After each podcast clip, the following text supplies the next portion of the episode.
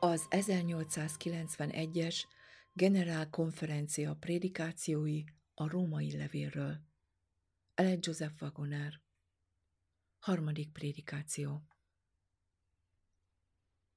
Az első és a második fejezet tanulmányozása során megtudtuk, hogy Isten nélkül az ismeret bolondság és erkölcstelenség, és hogy a magas szintű hitvallás, vagy ahogyan Pál nevezi, a test körülmetélése nem használ semmit, mert az, amire a kapott jelnek mutatnia kellett, hit által az Isten igazságára, a szív körülmetélésére nem volt jelen.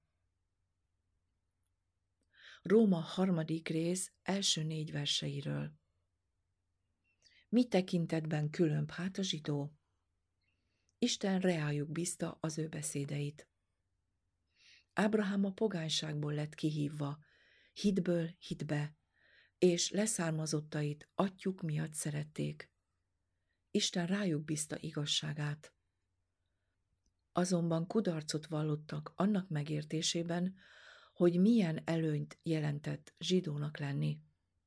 És magabiztosan támaszkodtak a magas hitvallásukra, azt gondolva, hogy Isten többnek kell, hogy tekintse őket más embereknél. Isten világosságot adott nekik, hogy elvigyék másoknak. De büszkeséggel eltelve nem végezték el a rájuk bízott munkát, és Isten eltűrte őket nemzedékről nemzedékre. A babiloni fogság alatt Isten kinyilatkoztatta Dánielnek, hogy az Úr várni fog még 490 évig arra, hogy az ő népe elvigye a világosságot a világnak. Az evangélium pogányoknak való hirdetése volt az a munka, amelyért Isten évszázadokon keresztül együtt dolgozott a zsidókkal, annak megvalósításán, de ők ezt elutasították. Isten azonban törődött a pogányokkal, és nem hagyta magát bizonyság nélkül. Nem látjuk-e magunk között azt a hajlamot, hogy dicsekedjünk a rendelkezésünkre álló világossággal, és úgy érezzük, hogy az Úrnak különleges módon kell ránk tekintenie, mint népre. De ő csak azért adta nekünk világosságát, hogy elvihessük másoknak. Ha büszkék vagyunk a világosságra, de nem visszük el másoknak, akkor Isten sokáig elvisel bennünket de végül valaki más veszi át a helyünket, és végzi el a munkát. Isten megesküdött Ábrahámnak, és az ő ígéretei beteljesednek, még akkor is, ha az emberek nem hisznek. Ha senki sem találtatik, aki Ábrahám hitével rendelkezne, Isten köveket szólít, hogy azokból fiakat támaszol magának. Maga Isten van perben a világegyetem előtt. Sátán és a gonosz emberek mindig igazságtalansággal és önkényességgel vádolták őt. De az ítéletkor az egész világegyetem fogja azt mondani, hogy mindenható Isten igazak és igazságosak a te ítéleteid. A 9-től 18-ig terjedő versekről. Mindenki bűnben van. Nincs két út az üdvösséghez. A békesség útját nem ismerik. Itt van a viszonyítási pont, amely megmutatja az igazi zsidó és a pogány közötti különbséget. A hit gyermekei mindig rendelkezni fognak a békességgel, azzal a békességgel, amelyel Krisztus rendelkezett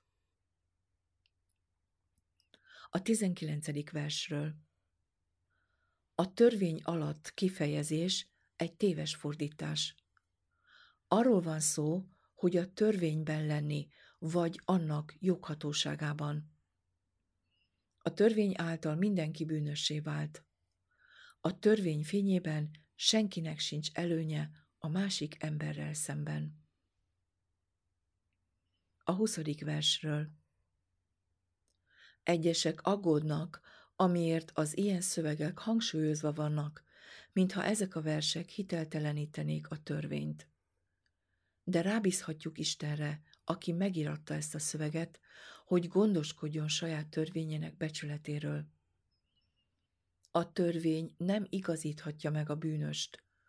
A törvény örök becsülete érdekében.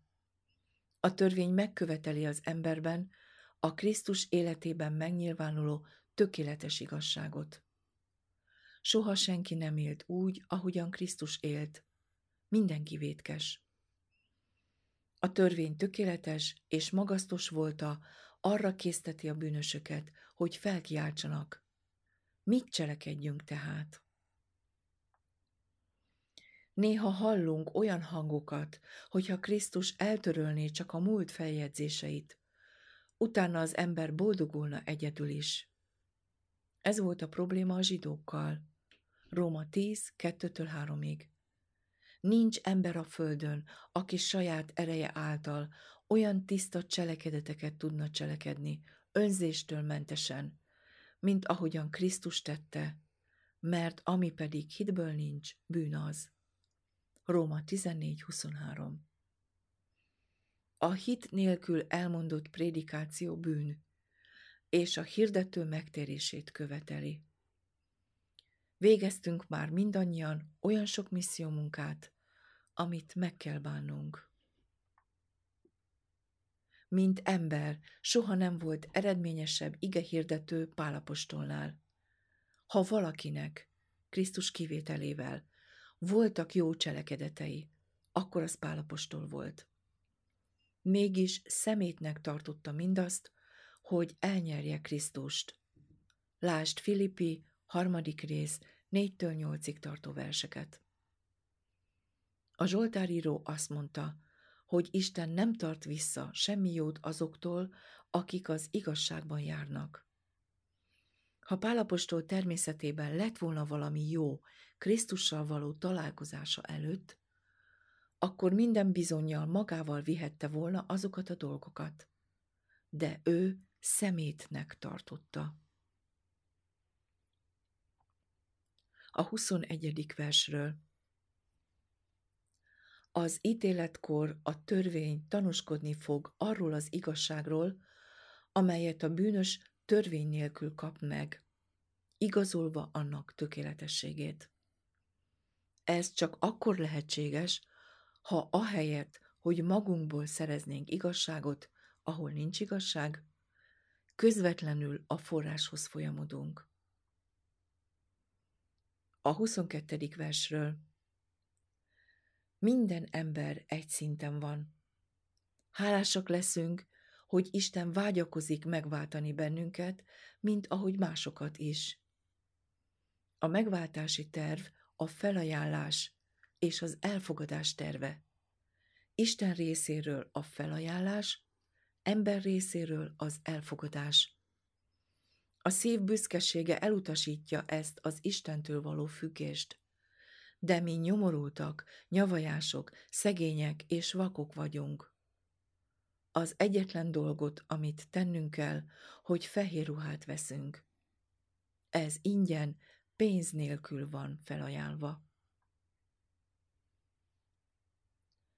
A próféta örvendezett az Úrban, mert Isten felöltöztette őt az üdvösség ruhájába, és az igazság palástjával takarta be őt. Nem egyedül kell felöltenünk a ruhát. Hagyjuk, hogy Isten tegye meg. Amikor Isten öltöztet minket, az nem egyszerűen egy külső öltöztetést jelent, hanem közvetlenül az emberbe belehelyezi igazságát, így az ember teljesen bűn nélküli lesz. Néha az emberek azt mondják, hogy előbb fel kellene öltenünk egy meglehetősen reprezentatív ruhát, mielőtt fehér ruhát kérnénk. De éppen a koldus szüksége és tehetetlensége ajánlja őt irkalomra. Mert minnyájan védkeztek és szükölködnek az Isten dicsősége nélkül. Minden ember ugyanazon a szinten van, az irgalom felajánlása pedig mindenkihez szól, és mindenkié, aki jön, és fizetés nélkül ingyen iszik az életvizéből. Megigazulván ingyen az ő kegyelméből, a Krisztus Jézusban való váltság által. 24. vers Generálkonferencia közleménye 1891. március 10